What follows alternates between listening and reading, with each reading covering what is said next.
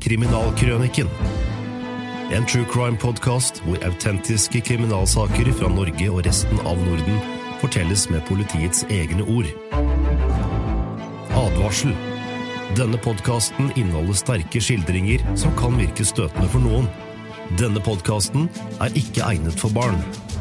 Seksualdrap ryster mysen. Denne episoden er bygget på en tekst av journalist Frank Kiel Jacobsen. Enkelte navn i denne teksten har blitt endret.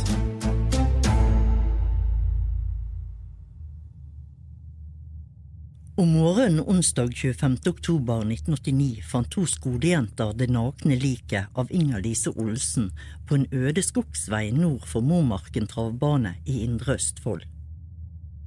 Den 17 år gamle Mysen-jenta var voldtatt og kvalt og dumpet ut fra en bil. Dette var opptakten til en av de mest omtalte drapssakene i Norge på 1980-tallet. Saken kom også til å representere et gjennomslag for rettsmedisinen.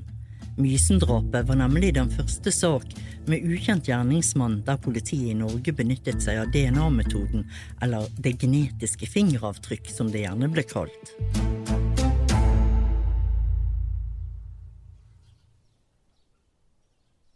Foreldrene til Inger-Lise ringte lensmannen ved 23-tiden tirsdag da datteren ikke var kommet hjem etter et møte i Røde Kors-huset på Mysen. Det ble lett etter henne fram til klokken to om natten, men uten resultat. En drøy time etter det var blitt lyst om morgenen, ble hun funnet av to syklende ungjenter.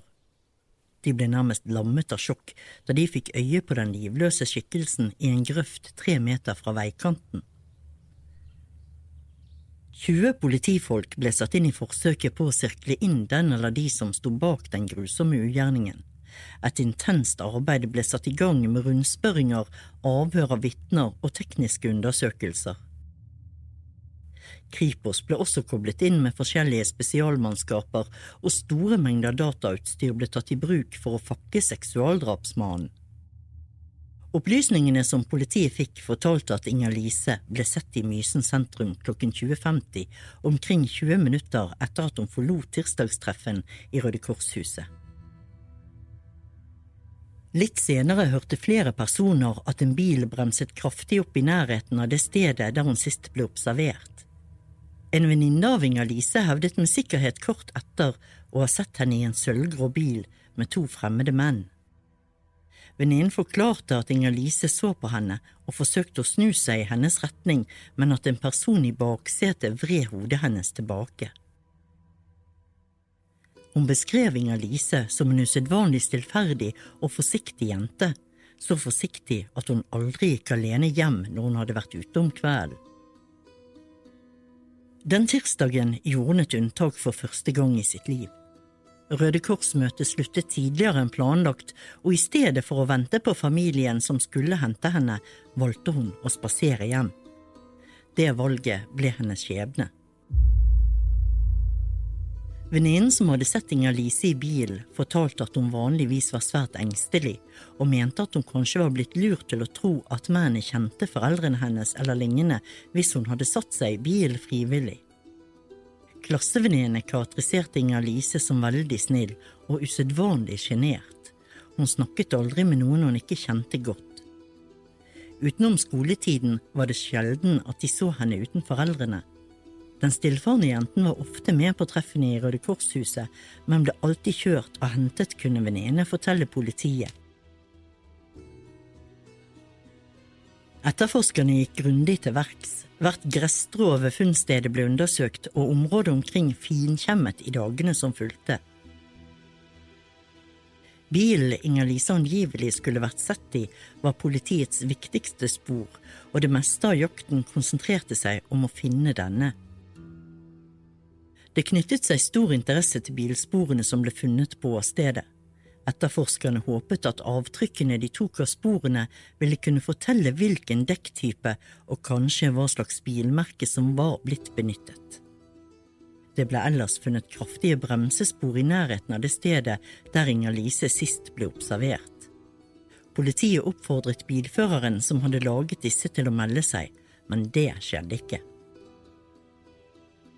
Mye kom til å dreie seg om en mystisk sølvgrå bil Flere mente å ha sett et slikt kjøretøy i nærheten av det aktuelle stedet, og etter hvert kom det inn en lang rekke tips til politiet uten at dette førte fram.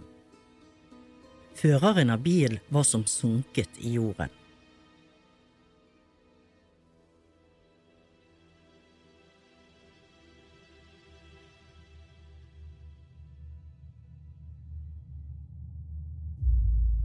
Dagen etter drapet ringte en kvinne til politiet. Hun kunne fortelle at hun den kvelden Inger-Lise forsvant, hadde hørt et forferdelig gjennomtrengende og angstfylt skrik.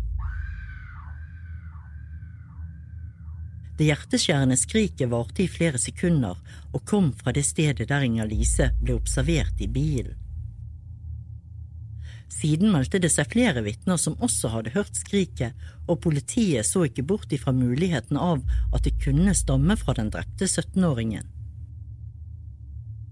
Angsten og frykten blant foreldrene i Mysen økte etter hvert som tiden gikk, og ugjerningsmannen fortsatt var på frifot. Barn og tenåringer fikk ikke lov til å gå ut alene etter mørkets frembrudd, de ble kjørt hvis de hadde et ærend ute om kvelden.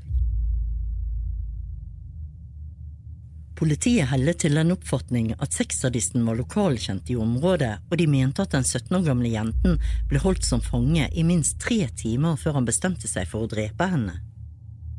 Når politiet arbeidet ut fra teorien om at drapsmannen var kjent i området, kom det av at veien der Inger-Lise var dumpet, ikke var lett å finne for folk utenfra. Den var ikke engang skiltet ved avkjøring fra riksveien. En Securitas-vakt hadde imidlertid sett en bil svinge ut ifra denne stikkveien klokken 04.00 den natten Inger-Lise ble drept, altså fire timer før hun ble funnet. Dette var en sølvgrå, AD-registrert bil, og det var umulig å se om det satt én eller flere personer i den. Det var gjort mange bilobservasjoner i dette området, men akkurat denne ble ansett som svært verdifull.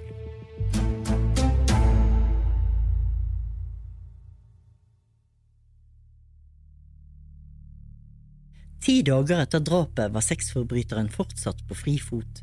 Politiet hadde til da fått rundt 700 tips, og hele 600 personer var avhørt. Systematisk og omhyggelig ble opplysning etter opplysning lagt inn i datasystemet til Kripos. Det systemet de hadde den gang, var ingen vidundermaskin som kunne løse drapsgåten på Mysen, men den var likevel politiets viktigste hjelpemiddel i den flommen av informasjon og observasjoner som kom inn i saken. Til tross for mengden av henvendelser hadde politiet foreløpig ingen mistenkte for drapet på Inger-Lise. Det manglet imidlertid ikke på navn. Ryktet på bygda førte til at etterforskerne fikk en rekke tips på navngitte personer som folk trodde kunne stå bak den fryktelige ugjerningen. Henvendelsene ble sjekket, men de aller fleste drapsmenn falt bort av seg selv. Det viste seg snart at ingen av de såkalte hetenavnene som var kommet politiet for øre, hadde noe med saken å gjøre. Verken etterforskningsleder Hans-Jørgen Gunther eller politiførstebetjent Ola Tune kunne komme med skråsikre tidsangivelser om når Inger-Lise befant seg på de forskjellige stedene langs ruten hun gikk før hun ble bortført, selv om vitner hadde gitt beskrivelser om forskjellige biler som nå var etterlyst, så var det få som kunne gi nøyaktig klokkeslett for sine observasjoner. I Dagsrevyen 1. november 1989 gikk politiet ut med en etterlysning av flere biler. Den sjette bilen politiet nå etterlyser i forbindelse med Mysen-drapet, er en lys grå Mercedes som ble observert utenfor Fokus Mat i Mysen i 2030-tida tirsdag for vel en uke siden i det samme tidsrommet som den 17 år gamle Inge Lise Olsen ble kidnappet. En uke etter at etterforskningen ble startet, er det bilene som opptar politiet mest i registreringen av data omkring drapssaken. En Fiesta-lignende bil og en kassevogn er observert tirsdag kveld i Riserveien, på det stedet der Inge Lise Olsen ble funnet onsdag morgen, seksuelt misbrukt og kvalt. Samme morgen klokka fire ble en grå kassevogn observert idet den kjørte ut på rv. 22. Politiet er også interessert i en bil som bremset kraftig i Smedgata i den tiden Inger-Lise Olsen forsvant, og vitner har forklart at de så den drepte i en bil med sotede vinduer som kjørte bort Smedgata tirsdag kveld. Politiet synes det er påfallende at ingen av de etterlyste bilførerne har meldt seg. Politiet tror nemlig det har vært flere biler innblandet i saken. Vi kan ikke se bort fra at hun er blitt bortført i én type bil, og senere på natten brakt til funnstedet i en helt annen bil. Politiet undersøker nå flere hus og hytter i området for å se om Inger Lise Olsen kan ha vært ført dit i den tiden som gikk fra hun ble kidnappet og til hun ble kastet av i Riserveien. Politiet mener at mishandlingen har foregått i et hus eller inne i en bil. Politiet har kontaktet nær 1000 personer i forbindelse med saken. De har gitt et nettverk av opplysninger som er plottet inn. Det er foreløpig ingen mistenkte i saken, men politiet regner med at minst to menn står bak ugjerningen. Som vi hørte ble altså seks biler så langt vurdert som interessante. Gjentatte anmodninger til fører om å melde seg førte imidlertid ikke fram. Etterforskningsleder Hans-Jørgen Gynter mente at Inger-Lise kunne ha blitt fraktet i to biler den natten hun ble seksuelt mishandlet og drept. Han sa også under en pressekonferanse at han hadde en intuitiv følelse av at den eller de som drepte den unge jenten, misbrukte henne i et hus eller en hytte.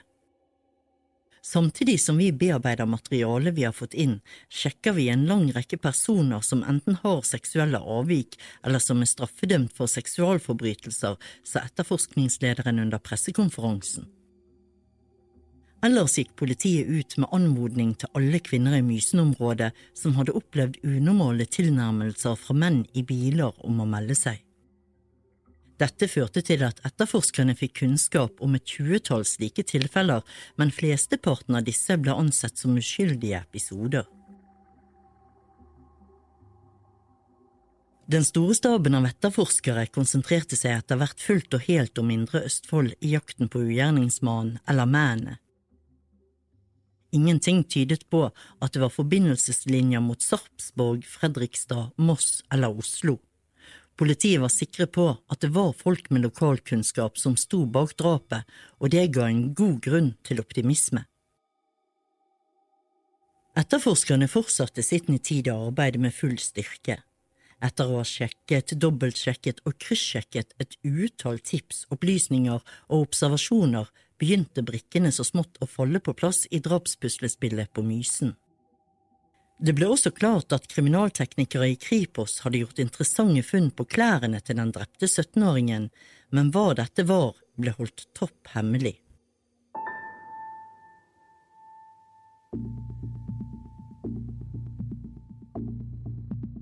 Politiet regnet med at presset på ugjerningsmannen var stort mens jakten pågikk.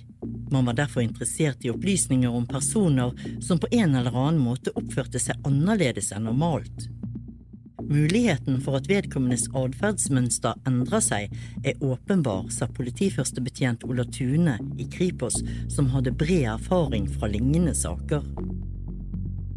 Ellers var det viktig for etterforskerne å få sjekket flest mulig personer ut av saken. Mange av vitneforklaringene ble derfor gjennomgått på ny. Flere hundre mennesker i Mysen og omegn ble innkalt til nye avhør. Politiet ville ha avdekket alle misforståelser. Man forsto at dette føltes påtrengende og ubehagelig for publikum, men politiet ville at ingenting skulle være uprøvd i denne svært alvorlige saken. Takket være grundig etterforskningsarbeid hadde politiet etter sju uker et svært detaljert bilde av situasjonen i Mysen både før og etter drapet. Med helt uvurderlig hjelp av datamaskiner fra Kripos hadde man kunnet plukke ut personer og sjekke deres alibi. I den sjuende uken etter drapet var biler fortsatt den vanskeligste faktoren i etterforskningen.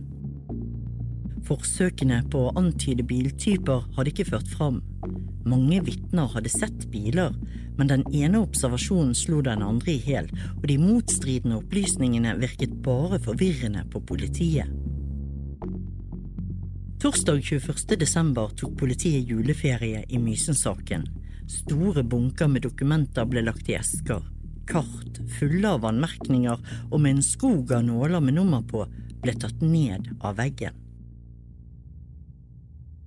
Politiet hadde ikke mindre enn 3100 navn i sine kartoteker, personer som hadde gitt opplysninger om drapet på Inger-Lise, kanskje også drapsmannen.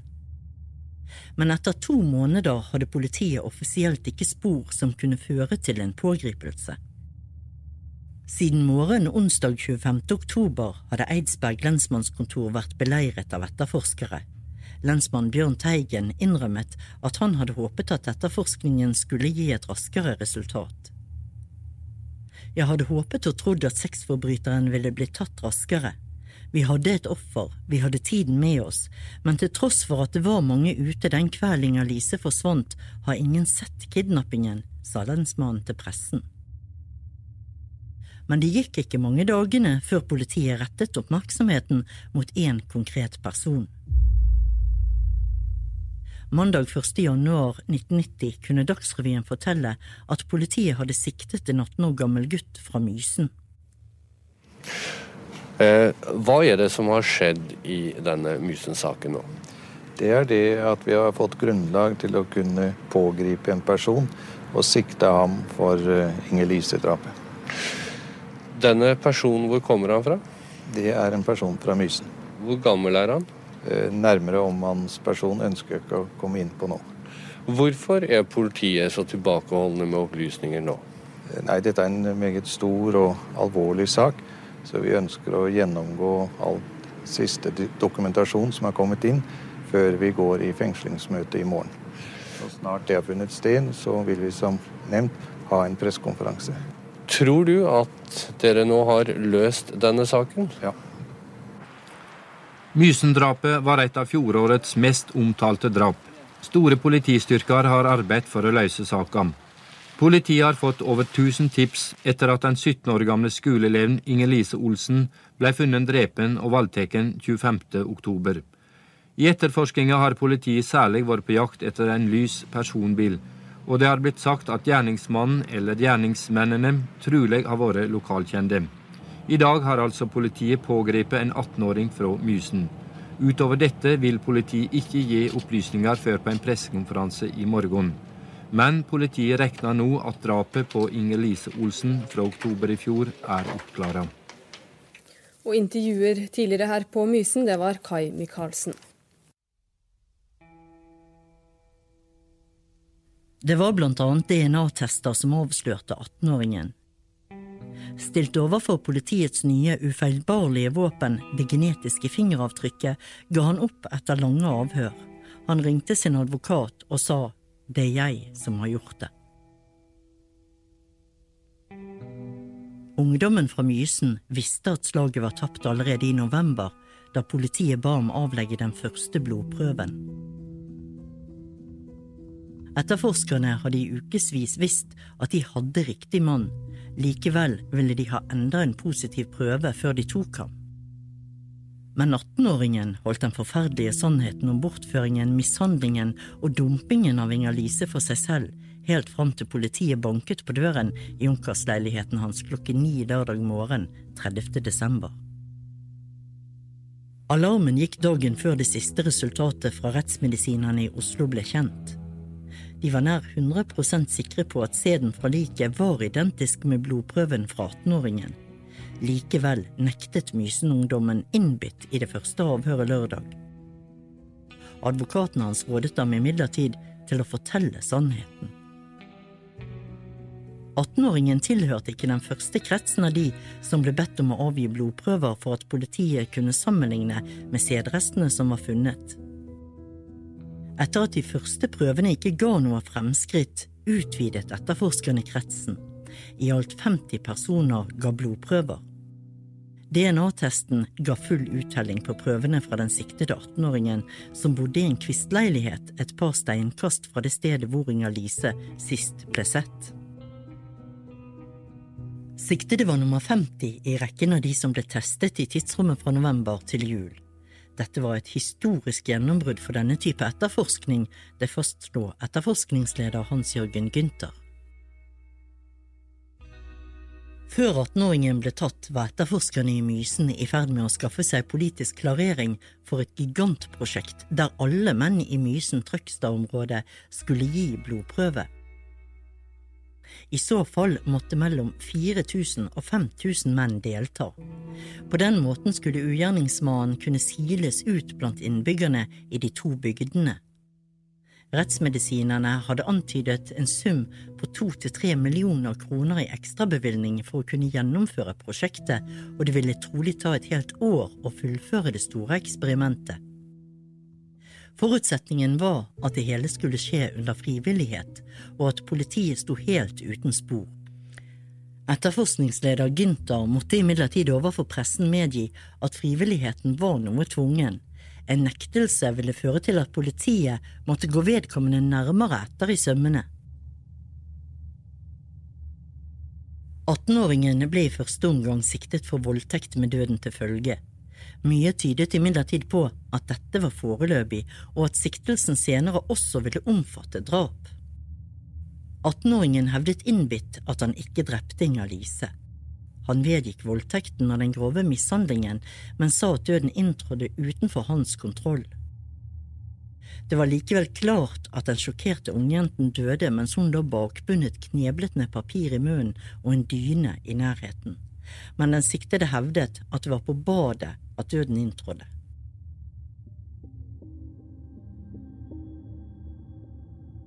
Inger-Lise Olsen endte sitt liv i den velutstyrte loftsleiligheten til 18-åringen i et ellers tomt hus i sentrum av Mysen. Dette skjedde etter at han voldtok og mishandlet den skrekkslagne ungjenten etter mønster fra en av de mange voldspornofilmene han fordrev tiden med å se. Dramaet begynte da siktede var ute og kjørte i sin Nissan Micra. Han passerte Inger-Lise i Storgata, stanset brått og kjørte tilbake. Jeg ble seksuelt opphisset, forklarte han til advokaten sin. Henne kunne jeg plukke opp og ha samleie med, tenkte han. Han bedyret at ungjenten var helt ukjent for ham. 18-åringen påsto at han bød Inger-Lise skyss, og hun ble angivelig frivillig med i bilen. Han kjørte rundt med henne en tid, og på veien nord for Momarken-krysset, hvor hun senere ble funnet, trakk han opp et rep fra innerlommen og bandt jenten. Hun fikk en papirball i munnen og et rep utenpå, slik at hun var kneblet. Ifølge siktede gjorde hun fortsatt ikke videre motstand. Han kjørte tilbake til leiligheten og parkerte bilen i den mørke bakgården i farens forretningsgård. Deretter bar han Inger-Lise opp de lange trappene til sin egen leilighet. Vel framme trakk han fram mer tau og bandt henne slik han hadde sett et offer bli bundet i en bestemt pornofilm. Så ble den unge jenten voldtatt. 18-åringen hevdet at han etter dette gikk en tur ut på badet. Da han kom tilbake, var Inger-Lise livløs, Kneblingen med tauet og en dyne som hadde falt over henne, kvalte henne, forklarte siktede til politiet.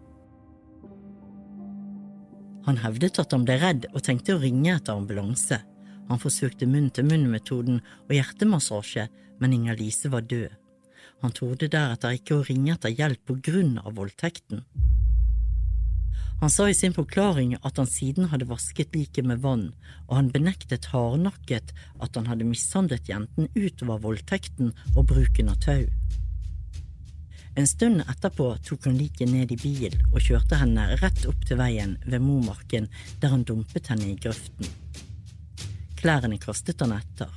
Ingen merket verken at han kjørte eller kom tilbake til den avskjermede bakgården. Taustumpene kastet han i søpla.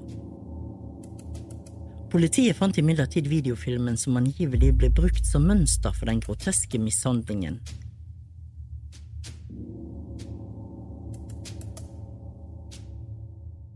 Siktede hadde i flere år vært en av landets mest lovende karateutøvere, med blant annet en fin plassering i Norgesmesterskapet. Som innehaver av brunt belte nøt han stor respekt i ungdomsmiljøet på hjemstedet, og han var ikke kjent for å bruke ferdighetene sine andre steder enn på matta. Tvert imot, han understreket alltid betydningen av karate som selvforsvarssport. Som den populære gutt han var, fant kamerater og medelever ved Indre Østfold videregående skole det ufattelig at siktede kunne være drapsmann. Han hadde åpenbart maktet å skjule sine grusomme hemmeligheter godt, for det var overhodet ingen av skolekameratene som hadde fattet mistanke til ham. Både lærere og elever karakteriserte 18-åringen som en helt vanlig norsk ungdom. Han gikk i klasse 3 AD på bedriftsøkonomisk linje, Han var russ av året og medlem av russestyret, og hadde deltatt på flere russefester mens etterforskningen pågikk.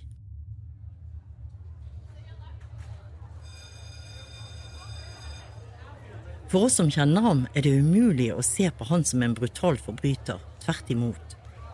Da faren min døde for et år siden, var han og en annen kamerat de eneste som møtte opp i begravelsen og viste omsorg for meg, sa en venn av siktede. Han har oppført seg helt normalt, ufattelig med tanke på hvor mye det har blitt snakket om dette grufulle drapet på Inger Lise på skolen, la vennen til. Han var sjokkert over nyheten om at kameraten hans var pågrepet og siktet. 18-åringen var den siste han trodde ville gjøre seg til voldtektsmann. Ikke på ett punkt viste siktede antydning til unormal atferd etter voldtekten. Samme morgen som den 17 år gamle jenten ble funnet død og naken i grøftekanten, møtte han som vanlig på skolen, og det gjorde han helt fram til juleferien. Nådeløse og harde ord falt i klasse 3 AD i dagene og ukene etter drapet på Inger-Lise Olsen.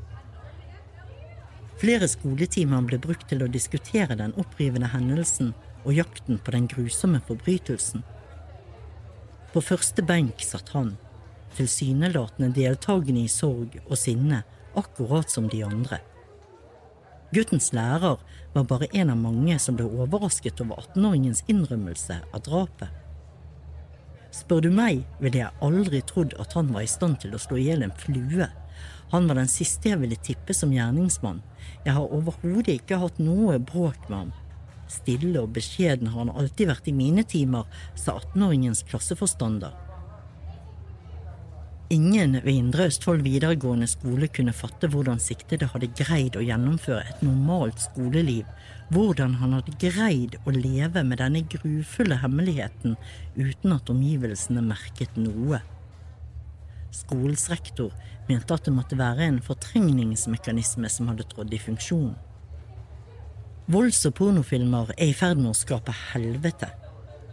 Det viser seg at slike er til de grader ødeleggende Forstår politikerne snart hva som er i ferd med å skje med samfunnet vårt? spurte en av skolens lærere.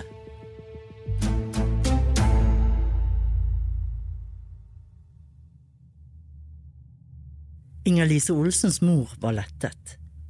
I over to måneder hadde Mysenkveen levd med den bunnløse sorgen, smerten og trangen til å få vite hvem som en sen oktoberkveld voldtok og drepte hennes litt mentalt tilbakestående datter på den mest bestialske måte.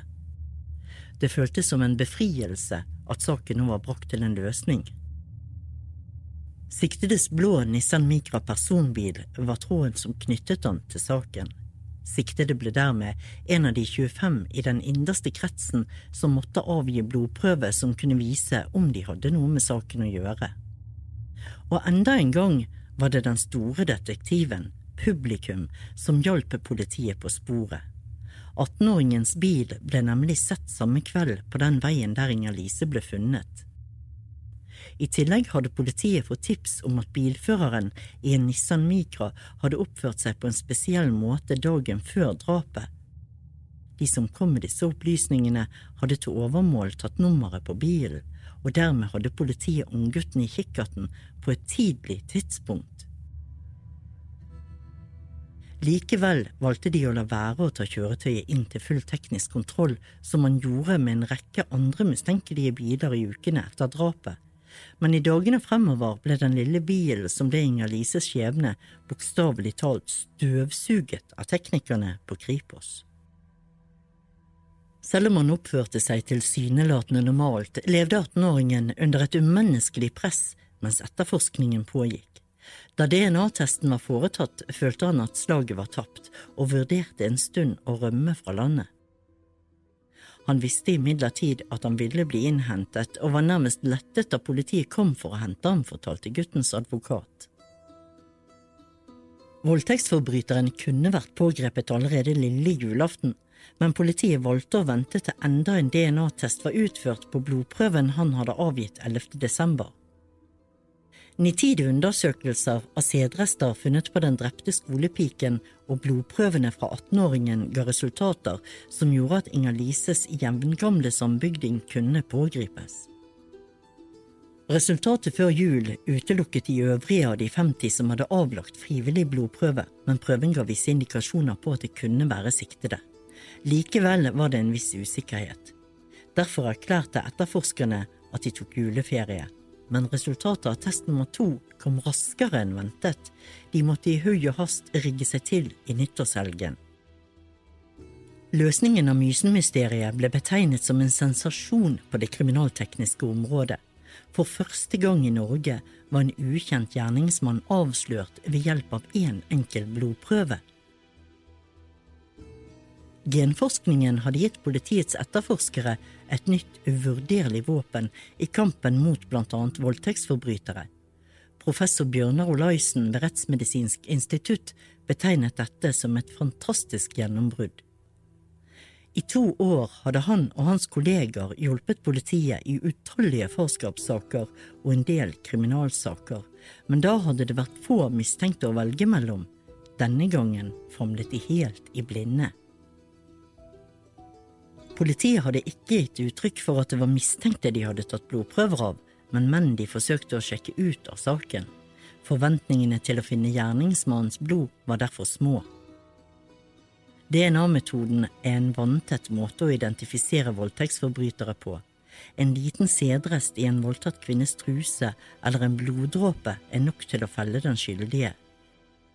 Testen har en feilmargin på 1 til 17 milliarder. Den er så sikker at selv døde sædceller er godt nok bevis.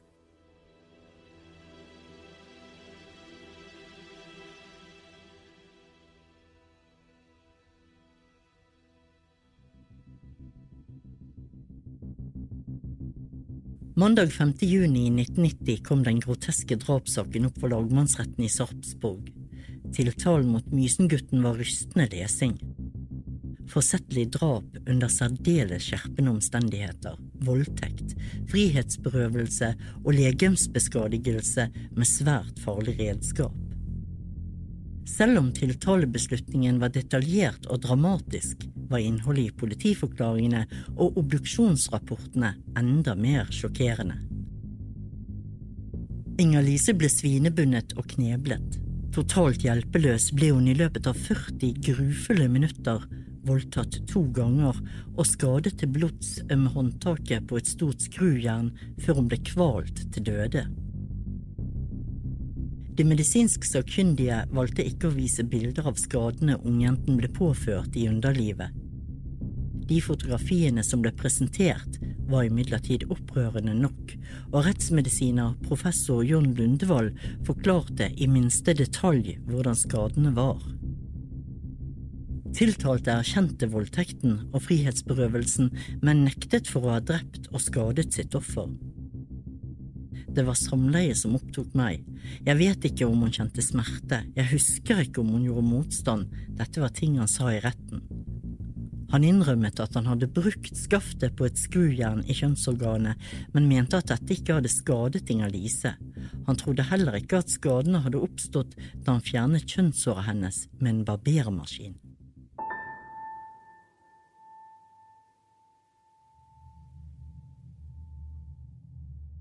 Unggutten hadde ikke mye å bidra med i tiltaleboksen under første dag av rettsforhandlingene.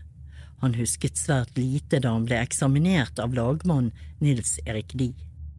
Enda mindre husket han da statsadvokat Lasse Kvikstad gikk tiltalte inn på klingen.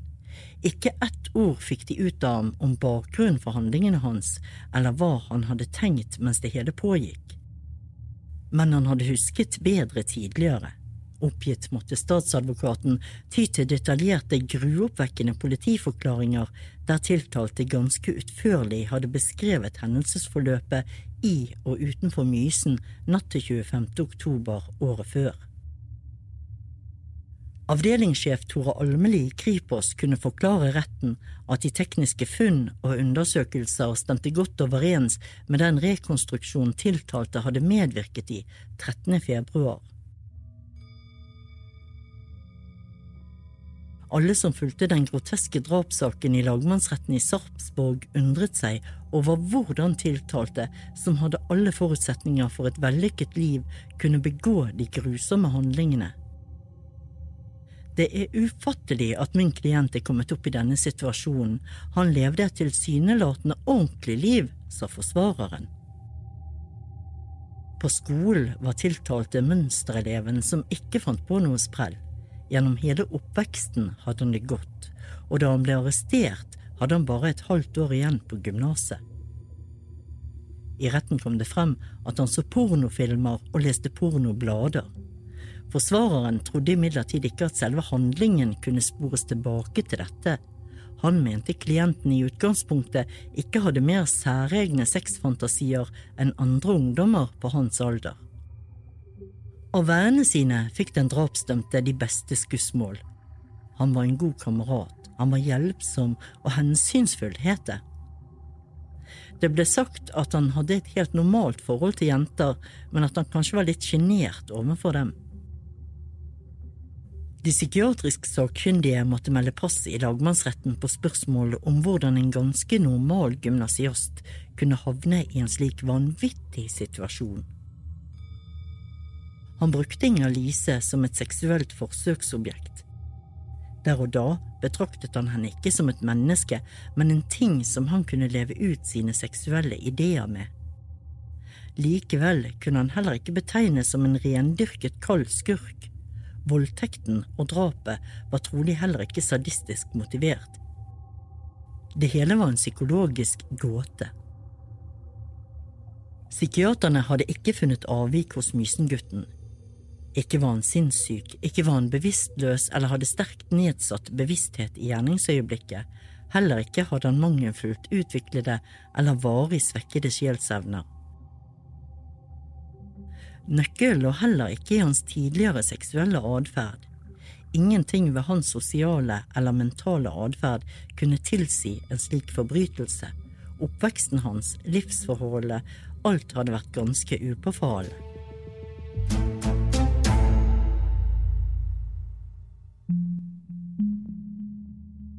Tiltalte hadde lest pornoblader og sett sexfilmer.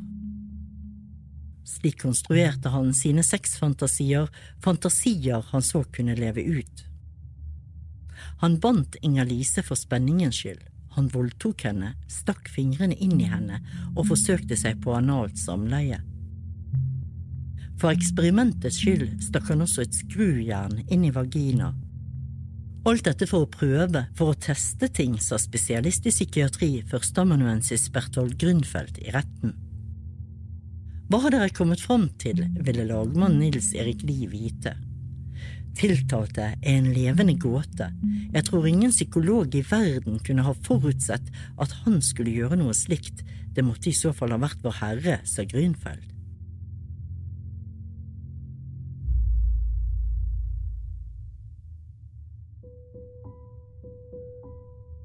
Inger-Lise var alltid så blid. Alle på skolen var glad i henne, og hun var glad i dem. Hun var som et barn, hun var stille, beskjeden, men svært kontaktsøkende. Dette fortalte lærerne som vitnet i saken. De beskrev den noe tilbakestående jenten som meget positivt innstilt. Hun var svært glad i familien sin, og spesielt lillebroren som hun snakket mye om. I retten fortalte lærerne hvor tilbakeholding Lise var overfor fremmede mennesker, men hennes troskyldighet ble grovt utnyttet av den drapstiltalte som tilbød seg å kjøre henne hjem. Ifølge lærerne hadde ikke den mentalt svekkede ungjenten hatt noe kjærlighetsforhold til en gutt da hun ble drept. Hun var ikke kommet lenger enn til rødmestadiet, og hun hadde nok ikke kysset en gutt, uttalte en av lærerne.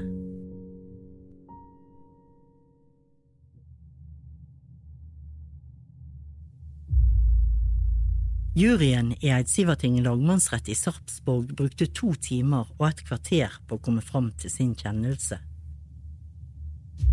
Først svarte juryen ja på spørsmålet om Mysengutten hadde begått forsettlig drap. Også tilleggsspørsmålet om forbrytelsen var begått med overlegg eller for å skjule en annen forbrytelse for å unndra seg straff, ble besvart med ja.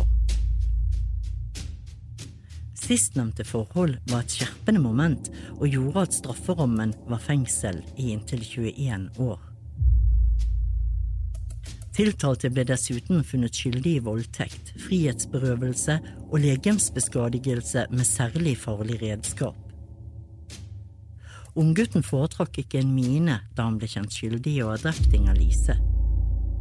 I retten hevdet han at det aldri var hans hensikt å drepe henne.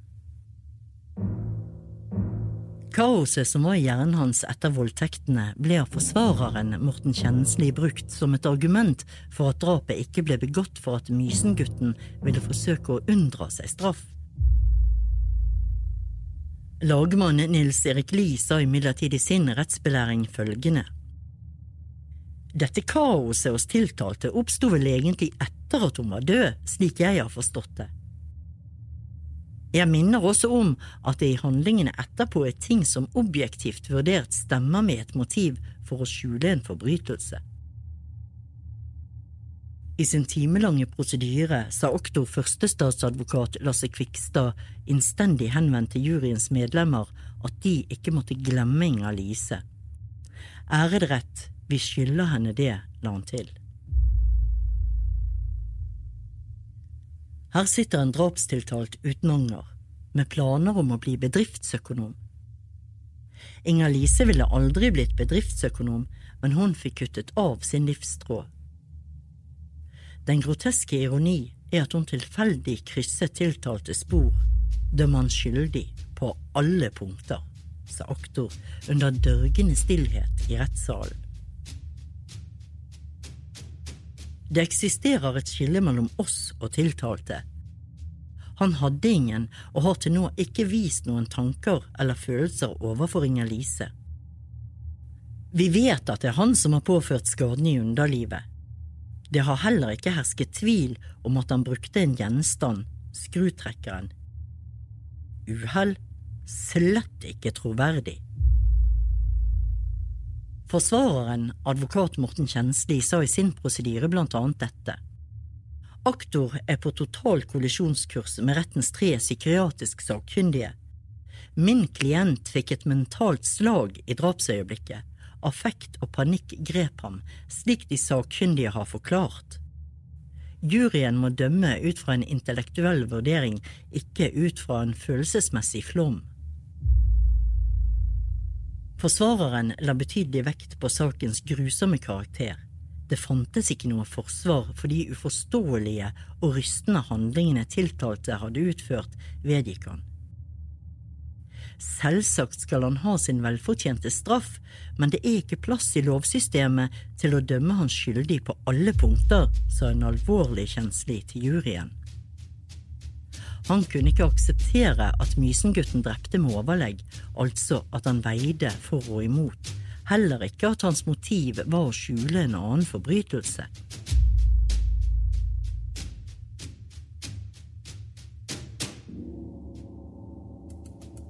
Kjennelse i Mysen-saken falt fredag 8. juni 1990. Dommerne fant ikke noe grunnlag for å gå under lovens maksimumsstraff. I retten i Sarpsborg ble unggutten på tiltalebenken dømt til 21 års fengsel for drap, voldtekt, mishandling og bortføring. I tillegg så måtte han betale en oppreisning på 50 000 kroner til drapsofferets mor. Retten fant ikke ett eneste formildende moment hos den følelseskalde morderen. Man kom fram til at drapet var begått for å skjule voldtektene og mishandlingen, og at den var utført under særdeles skjerpende omstendigheter. For at lovens strengeste straff skulle kunne idømmes, var det nok at bare ett av disse momentene var til stede. Selve drapet skjedde så spontant at det ikke kan sies å være overlagt, sa lagdommer Nils Erik Lie da han leste opp dommen. Det gikk imidlertid frem at retten mente drapet lå tett opptil overlagt handling, Spørsmålet om overlagt drap eller ikke var underordnet så lenge retten kom til at den ble begått under særdeles skjerpende omstendigheter og for å skjule en annen forbrytelse. Retten la til grunn at unggutten var seksuelt opphisset da han stoppet bil i Mysen sentrum og spurte Inger-Lise Olsen om han skulle kjøre henne hjem. I leiligheten ble hun bundet på en ydmykende måte. Han må ha vurdert om han skulle drepe henne fordi han hadde gått for langt, het det annet i dommen. Retten pekte på at Inger-Lise ble påført skader i kjønnsorganet med et stjerneskrujern. Mishandlingen vedvarte i minst to timer, og offeret ble kneblet og bundet på en meget pinefull, opprørende og bestialsk måte, het det i dommen. Det het videre at drapsmannens lave alder i seg selv ikke var et formildende moment, og at retten ikke kunne finne grunnlag for å gå under maksimumsstraffen på 21 års fengsel. Dommen var enstemmig. Dermed var det satt sluttstrek for et av de mest omtalte drap begått på slutten av 80-tallet. I måneder hadde saken vært et mareritt for lokalsamfunnet i Mysen, og for de involverte familier hadde det vært en knallhard tid. Den ene mistet sin datter, de får henne aldri tilbake. Den andre fikk en sønn bak fengselsmurene, og et spørsmål ble hengende i luften. Hvordan kunne gymnasiasten, oppvokst i sunne og gode omgivelser, begå de grusomme handlingene mot den tilbakestående Inger-Lise Olsen? Du har hørt Seksualdrap, bygget på en tekst av journalist Frank Kiel Jacobsen. Forteller var Marianne Moe. For flere podkaster fra Radiometro, se radiometro.no.